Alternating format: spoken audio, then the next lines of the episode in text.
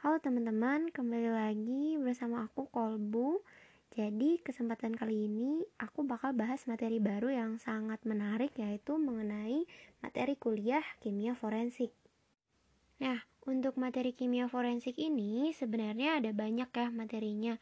Ada banyak banget prinsip, pengenalan, dan aplikasi berbagai teknik dan metode analisis di dalam kimia forensik. Jadi sebelumnya aku bakal bahas mengenai intro dari materi ini. Untuk podcast kali ini kita bakal bahas dulu mengenai sejarahnya dan beberapa jenis-jenis dari ilmu forensik. Nah ini ada banyak banget teman-teman. Nah untuk podcast selanjutnya di materi kimia forensik ada lebih banyak lagi materi-materinya. Jadi stay tune terus buat bahas mengenai materi kimia forensik ini. Pokoknya bakal banyak banget mulai dari cara ambil sampel, toksikologi mengenai bahan beracun, kebakaran, alkohol, kemudian opiat, peledak, gelas tinta dan semua itu ada masing-masing interpretasinya. Tapi kita bakal bahas itu di episode selanjutnya di materi kuliah kimia forensik. Nah, sekarang kita akan mulai dulu di introduksi dari pengenalan materi kedudukan kimia forensik dalam ilmu forensik serta peran kimiawan forensik di dalam suatu ilmu forensik. Oke, langsung aja aku mulai. Jadi, eh, teman-teman, ilmu forensik itu sebenarnya adalah suatu bidang ilmu yang mengaplikasikan ilmu pengetahuan pada masalah kejahatan dan hukum pidana untuk mengungkap suatu peristiwa kejahatan nih. Jadi karena sifatnya sebagai ilmu e, terapan, sehingga dia itu nggak terbatas cuma di ilmu kimia, walaupun sebenarnya yang bakal kita bahas kali ini itu lebih ke kimianya. Nah, tapi sebenarnya di ilmu forensik itu ada juga sains lain atau ilmu lain yang banyak disebut sebagai uh, krimi ilmu-ilmu lain dari kriminalistik. Jadi nama lain dari ilmu forensik juga ilmu kriminalistik ada e, bisa ditinjau dari psikologi, kedokteran, fisika, biologinya dan lain-lain. Nah, penerapan kimia dalam mengungkap peristiwa kejahatan ini e, itu cuma salah satunya aja. Nah, digunakannya untuk mengungkap tadi tuh hukum e, di sipil dan di kriminal. Jadi kita itu menempatkan suatu e, bukti fisik dalam suatu disiplin profesional. Nah, itu yang kita pelajarin di e, kimia di dalam suatu ilmu forensik. Nah, karena dia e, dibagi-bagi ya karena kita bahasnya kan tentang kimia nih sebenarnya itu tuh menjadi batasan bagi e, beberapa ilmu e, forensik cabang ilmu forensik yang dipahami sebagai pekerjaan yang berhubungan dengan kimia forensik. Jadi untuk kimianya cukup ditinjau kimianya. Sedangkan bagian-bagian lain itu ada ahlinya masing-masing. Nah selanjutnya aku bakal bahas mengenai per perkembangan ilmu forensik. Jadi ceritanya gini nih teman-teman. Dulu pada zaman dahulu ada seorang kebangsa, berkebangsaan Inggris bernama Sir Arthur Conan Doyle. Mungkin kalau misalnya yang pernah dengar dia ini adalah seorang author dari suatu novel dengan karakter utamanya adalah Sherlock Holmes. Mungkin sering banget denger ya mengenai uh, novel ini atau ini sangat terkenal ya sampai sekarang juga masih banyak yang baca.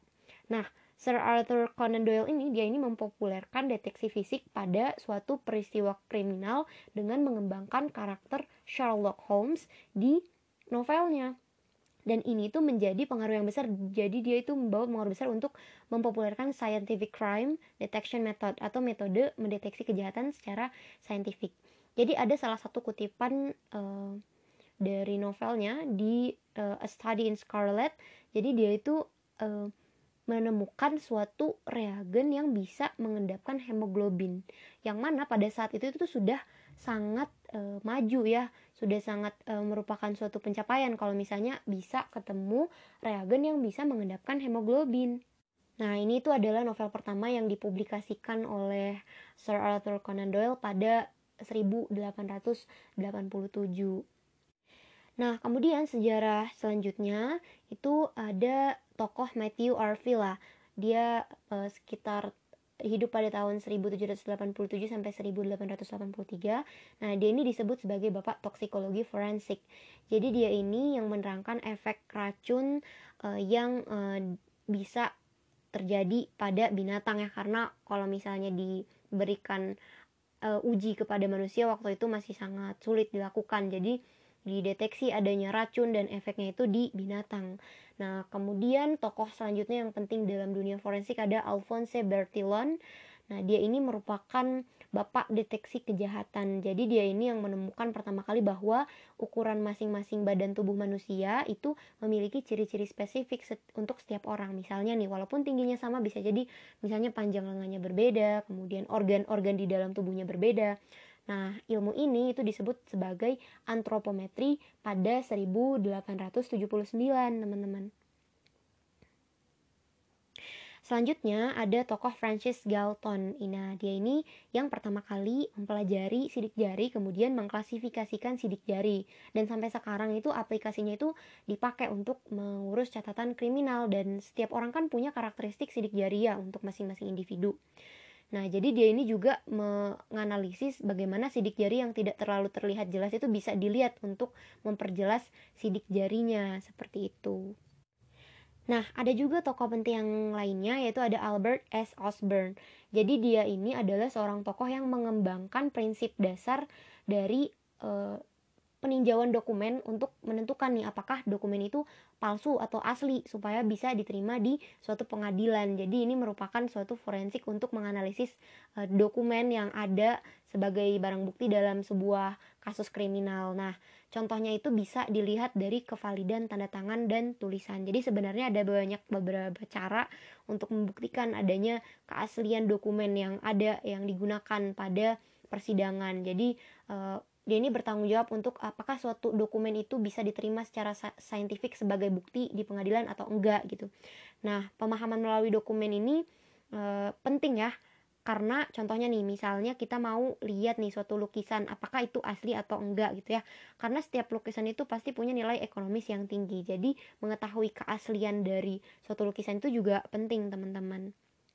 Kemudian ada tokoh yang lainnya yaitu Leonel Lattes jadi uh, dia ini merupakan seorang ilmuwan uh, yang berjasa di bidang forensik karena dia ini yang pertama kali menyusun prosedur sederhana untuk uh, menentukan apakah golongan darah dari uh, suatu noda darah kering yang ada di lokasi kejahatan itu golongan darahnya apakah A, B, 0 atau AB. Nah, jadi sebenarnya identifikasi untuk darah noda darah yang kering ini lebih susah dibandingkan menentukan golongan darah dari darah yang masih belum kering gitu kan ya. Nah, selanjutnya ada Calvin Goddard. Nah, dia ini merupakan uh, seorang ilmuwan yang berjasa di bidang forensik juga. Dia ini mempelajari il, uh, perbandingan mikroskop tentang bagaimana suatu peluru yang ditembakkan dari senjata api atau pistol tertentu itu bisa berbeda-beda. Nah, ini juga disebut dengan uji balistik. Jadi, kalau misalnya peluru itu ketika ditembakkan itu dengan suatu senjata tertentu dia tuh juga punya bakal karakteristik goresan yang beda-beda. Nah ini tergantung sama jenis senjatanya. Jadi sama kayak sidik jari. Nah ini studinya itu dipublikasikan sebagai tool marks uh, seba, uh, tool marks yang ada pada uh, senjata peluru. Nah selanjutnya ada Edmund Lockhart. Nah jadi dia ini uh, menemukan suatu penemuan penting juga di dalam ilmu forensik yang uh, di mana dia ini mengembangkan suatu pemahaman bahwa ketika dua permukaan benda bersentuhan maka akan terjadi suatu transfer material yang dapat e, kita deteksi atau kita analisis. Jadi misalnya nih ada suatu kecelakaan mobil, kalau misalnya kecelakaannya e, tabrakan gitu ya. Nah, ini tuh bisa e, bisa dilihat apakah bagaimana cara e, apakah ada cat mobil salah satunya menempel pada mobil yang lainnya. Nah, itu dianalisis adanya transfer material ketika terjadi suatu kasus. Nah, itu ja, itu juga menjadi dasar konsep perkembangan ilmu forensik saat ini. Nah, selanjutnya teman-teman, ini setelah kita udah belajarin sejarahnya, kita masuk ke organisasi suatu laboratorium kriminal atau laboratorium forensik.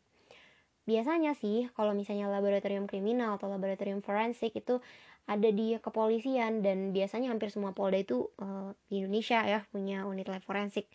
Nah, ini ada beberapa unit lab uh, kriminal itu yang bakal aku bahas. Yang pertama ada unit physical science atau kimia fisik ya, eh sih kimia fisik, ilmu fisik, sains fisik.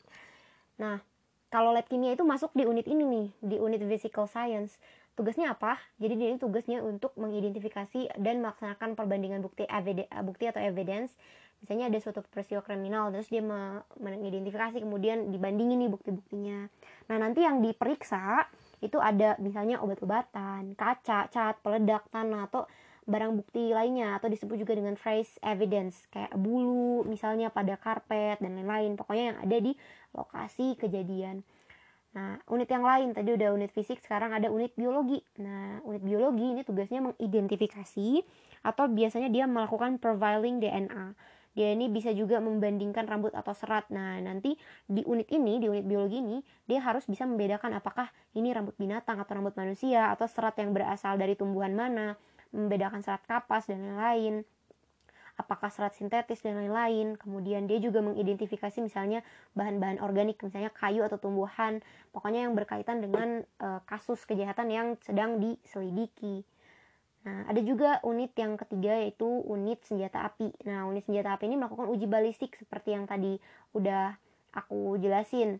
Nah, untuk mengexamine atau dia menyelidiki peluru mana, selongsong mana atau jenis amunisi mana yang ada pada lokasi kejadian. Dia juga bisa melakukan pemeriksaan atau penyelidikan misalnya mengenai garmen atau pakaian atau objek lain yang mengandung residu senjata api yang dipakai.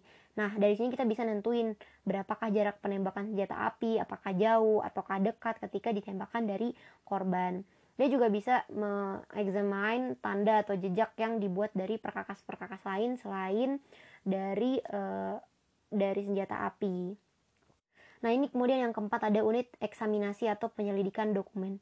Nah kalau yang ini ini biasanya analisis tulisan tangan bisa diketik bisa juga dengan e, dari mesin ketik dari PC atau pokoknya e, cara lain yang mana dokumen ini dipertanyakan di pengadilan. Jadi biasanya analisisnya itu bisa banyak ya, bisa dari tinta, kemudian kalau misalnya tulisan tangan itu bisa dari tekanan saat orang menulis pada kertas, kemudian penghapusan dan pembakaran dokumen juga bisa dianalisis untuk mengungkap suatu peristiwa yang terjadi. Nah ini tuh untuk melihat apakah keaslian dokumen itu beneran gitu atau tidak gitu. Dan biasanya e, orang nih kalau misalnya e, tanda tangan itu sebenarnya mudah banget kan ya dipalsukan gitu ya. Banyak banget orang yang pinter banget dia cara menduplikasi tanda tangan dengan baik sehingga biasanya yang paling baik itu adalah dengan menganalisis tinta yang dipakai. Untuk dokumen penting nih biasanya dipakai tinta khusus. Nah tinta khususnya biasanya dipakai zat-zat berfluoresensi jadi dia mengeluarkan panjang gelombang tertentu dengan kadar tertentu untuk dokumen tertentu Nah, jadi kalau misalnya mau lihat keaslian dokumennya, misalnya fluoresensinya dibuat dengan perbandingan tertentu. Nah, kalau misalnya punya perbandingan tertentu, dia punya panjang gelombang yang khas kan ya. Dia punya karakteristik tanda tangan dari panjang gelombang tersebut. Nah, jadi kadang-kadang dilihat itu bukan pola tanda tangannya, tapi sinar fluoresensi dari tanda tangan yang ada pada dokumen yang sedang dipertanyakan itu. Nah, tadi udah ada unit fisik, unit biologi, unit eksaminasi atau penyelidikan dokumen. Sekarang yang ke eh, oh ya udah unit senjata api kemudian yang kelima sekarang ada unit fotografi. Nah kalau unit fotografi ini tugasnya untuk menyelidiki dan merekam bukti fisik yang perlu difoto. Jadi biasanya dia e, mempersiapkan foto juga yang dipersiapkan pada presentasi dalam ruang sidang. Nah untuk teknik fotografinya sendiri bukan cuma teknik e, biasa yang kayak digital imaging dia juga bisa dari foto infrared, UV, X-ray. Jadi informasi yang didapat itu nggak cuma dari informasi yang ditangkap dengan mata, tapi bisa juga dari yang tidak bisa terlihat oleh mata. Contohnya nih, misalnya kita pakai X-ray untuk mengungkap keaslian suatu lukisan. Kenapa bisa gitu ya? Karena orang kalau ngelukis itu kan dia pakai e, tumpang tindih cat gitu ya. Kan misalnya merah dulu, terus hijau dulu, kuning dulu. Nah, itu untuk setiap lukisan itu pasti beda dan untuk menduplikasi jumlahnya, kadarnya atau misalnya e, lapisan layer-layer lukisannya itu susah ya dan itu tuh bisa dilihat dari X-ray-nya apakah ini uh, benar keaslian dari lukisannya oh benar nih uh, ini yang kuning dulu terus merah dulu atau misalnya yang lainnya itu bisa di dideteksi dan itu tuh merupakan uh, kalau karena itu lukisan ya itu sulit dipalsukan. Nah nah selain dari kelima unit yang umum tadi ada yang unit opsional. Jadi dia bisa ada atau bisa enggak di dalam suatu kepolisian. Ini ada unit toksikologi jadi dia ini menyelidiki cairan tubuh dan organ untuk identifikasi. Misalnya kalau misalnya ada racun atau obat-obatan. Nah ini salah satunya ini bisa digunakan pada kasus uh, Mirna nih yang kasus cyanida nah biasanya mereka mengundang ahli toksikologi forensik jadi hasil analisisnya itu bisa diinterpretasi oleh toksikolog jadi dia ini menentukan batas kadar cyanida sehingga penyebab kematian itu berdasarkan itu atau tidak. Nah, jadi sebenarnya yang menentukan batas cyanida itu, batas kadar cyanida itu bukan dari si toksikolognya sih, lebih lebih ke kayak dia menentukan oh kadarnya tuh segini gitu ya. Tapi yang menentukan apakah dia mat, meninggal gara-gara sianida itu biasanya dari bidang lain yaitu dari kedokteran forensik. Nah, ditinjau juga dengan berbagai bidang yang lainnya. Bisa juga ada ini ada unit lain tambahan selain dari unit toksikologi adalah sidik jari laten. Nah, dia ini memproses, meneliti, examine sidik jari dan dilakukan secara tertentu uh, supaya bisa timbul gitu dan diamati. Biasanya objeknya itu bisa di kaca dan lain-lain. Nah, bisa juga ada uh, kemudian ada unit polygraph unit detector. Jadi kalau misalnya orang kita mau mendeteksi kebohongan seseorang pelaku atau enggak. Nah, ini tuh bisa dilihat dari simptom yang ada dari denyut jantung, dari nafas. Nah, biasanya caranya itu dengan memberikan pertanyaan-pertanyaan sederhana dulu nih ke pelaku atau misalnya ke siapa gitu ke korban yang terlibat dalam suatu kasus. Diberi pertanyaan sederhana yang pasti jawabannya tuh benar. Nanti kita lihat pola nih kalau dia jawab benar tuh kayak gimana, kalau dia jawab enggak tuh kayak gimana nanti kalau misalnya diberi pertanyaan uh, awalnya pertanyaan yang tidak berkaitan dengan kasus nanti ketika diberikan pertanyaan dengan diberikan dengan kasus perbedaan yang terjadi simptom-simptom yang bisa dilihat ini nah bisa dilihat nih apakah dia bohong atau tidak. Kemudian ada juga unit suara atau uh, analisa voice print. Jadi dia ini membuat transkrip suara mengidentifikasi pola suara yang dihubungkan dengan suspek tertentu.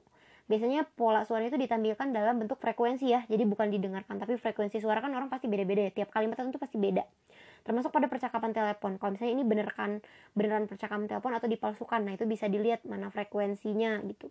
Kemudian ada juga unit pengumpulan barang bukti. Jadi tugasnya untuk mengumpulkan koleksi barang bukti pada suatu kasus. Nah biasanya nggak semua unitnya itu bisa bekerja ber berbarengan gitu. Jadi tergantung bagaimana kasusnya. Apakah dia misalnya kasus yang pakai obat atau misalnya pakai dokumen itu eh, jarang banget kasus yang harus semuanya diungkap dari semua unit. Seperti itu Nah, tadi kita udah bahas sejarah sama beberapa unit di laboratorium forensik. Sekarang kita masuk ke fungsi dari ilmuwan forensik. Jadi, kalau di beberapa negara ini intro dulu ya. Kalau di beberapa negara itu biasanya untuk ilmuwan forensiknya itu biasa freelance. Jadi kayak orangnya uh, bisa disewa gitu dari kepolisian. Nah, tapi kalau di Indonesia sendiri ada biasanya kalau dia bukan pegawai sipil berarti dia anggota kepolisian yang bekerja di suatu kepolisian di uh, bidang forensik ini. Nah sekarang ada fungsinya nih mau ini fungsi kimia ini fungsi ilmuwan forensik dia nggak cuma dari kimiawan aja tapi dari kedokteran dan lain. Yang pertama dia tuh harus bisa analisis bukti fisik. Dia ini harus punya kemampuan mengaplikasikan teknik dan konsep fisika untuk mengidentifikasi dan mengkarakterisasi barang bukti pada suatu investigasi kasus kriminal dan ini tuh merupakan fungsi yang paling utama. Yang pertama ya harus bisa punya keterampilan e, kimia untuk mengkarakterisasi jenis bukti ya, dari bukti fisiknya pada investigasi suatu kasus. Kemudian fungsi yang kedua, nih kalau uh, disebutnya kalau bahasa Inggrisnya expert witness. Kalau bahasa Indonesia kan saksi ahli. Walaupun sebenarnya nggak ada gabungan antara saksi ahli, yang ada hanya saksi atau ahli. Kalau saksi itu yang melihat, mendengar, mengalami suatu kasus, sedangkan ahli adalah pakar bidang tertentu yang kepakarannya itu diperlukan untuk mengungkap suatu peristiwa yang membantu pengadilan.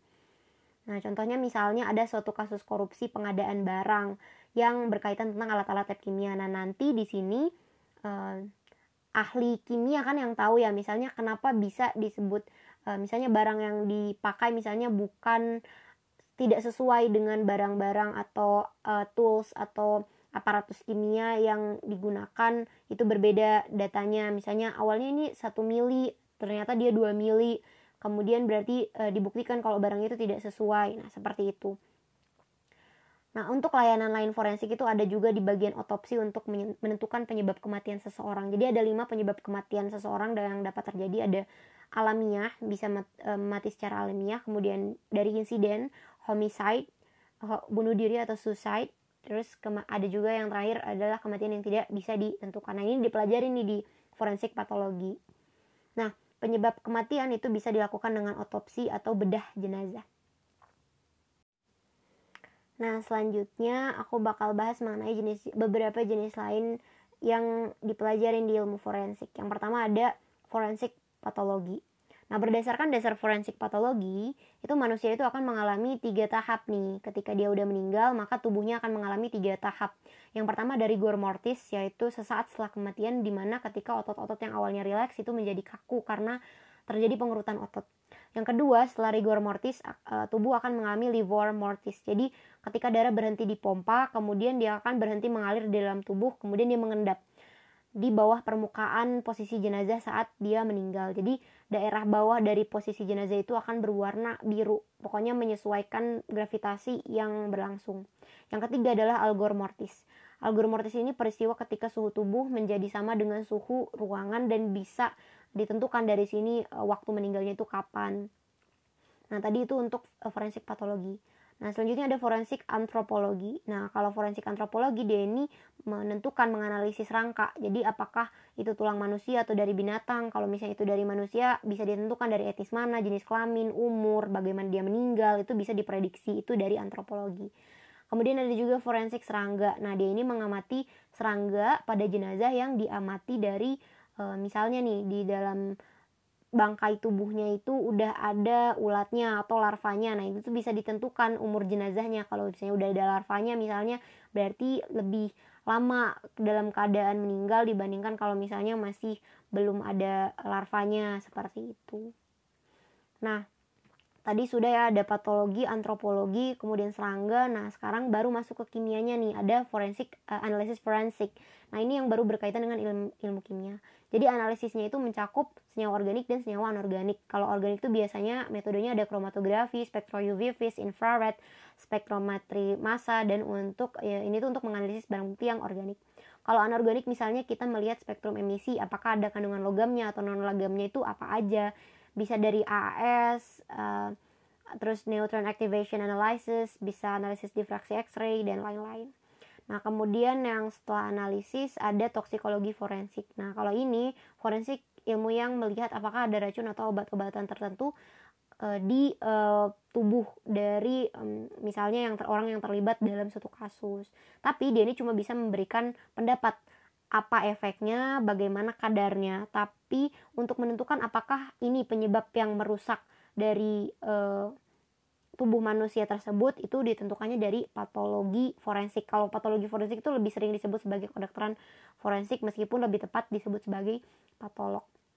Contohnya nih misalnya kita ada bagian tubuh yang diambil itu nanti dikirim ke patolog anatomi untuk mengetahui apakah itu jaringan yang rusak akibat sesuatu dan apakah untuk menyebab eh, apakah itu yang menyebabkan kematian seperti itu. Jadi eh, mungkin demikian ya. Itu aja itu kalau misalnya untuk jenis jenis-jenis dari uh, ilmu forensik. Nah, untuk selanjutnya kita bakal bahas materi forensik yang lain, jadi tetap stay tune ke episode berikutnya mengenai materi kuliah kimia forensik. Kayaknya dari aku cukup. Tadi aku summarize dulu beberapa materi untuk podcast kali ini.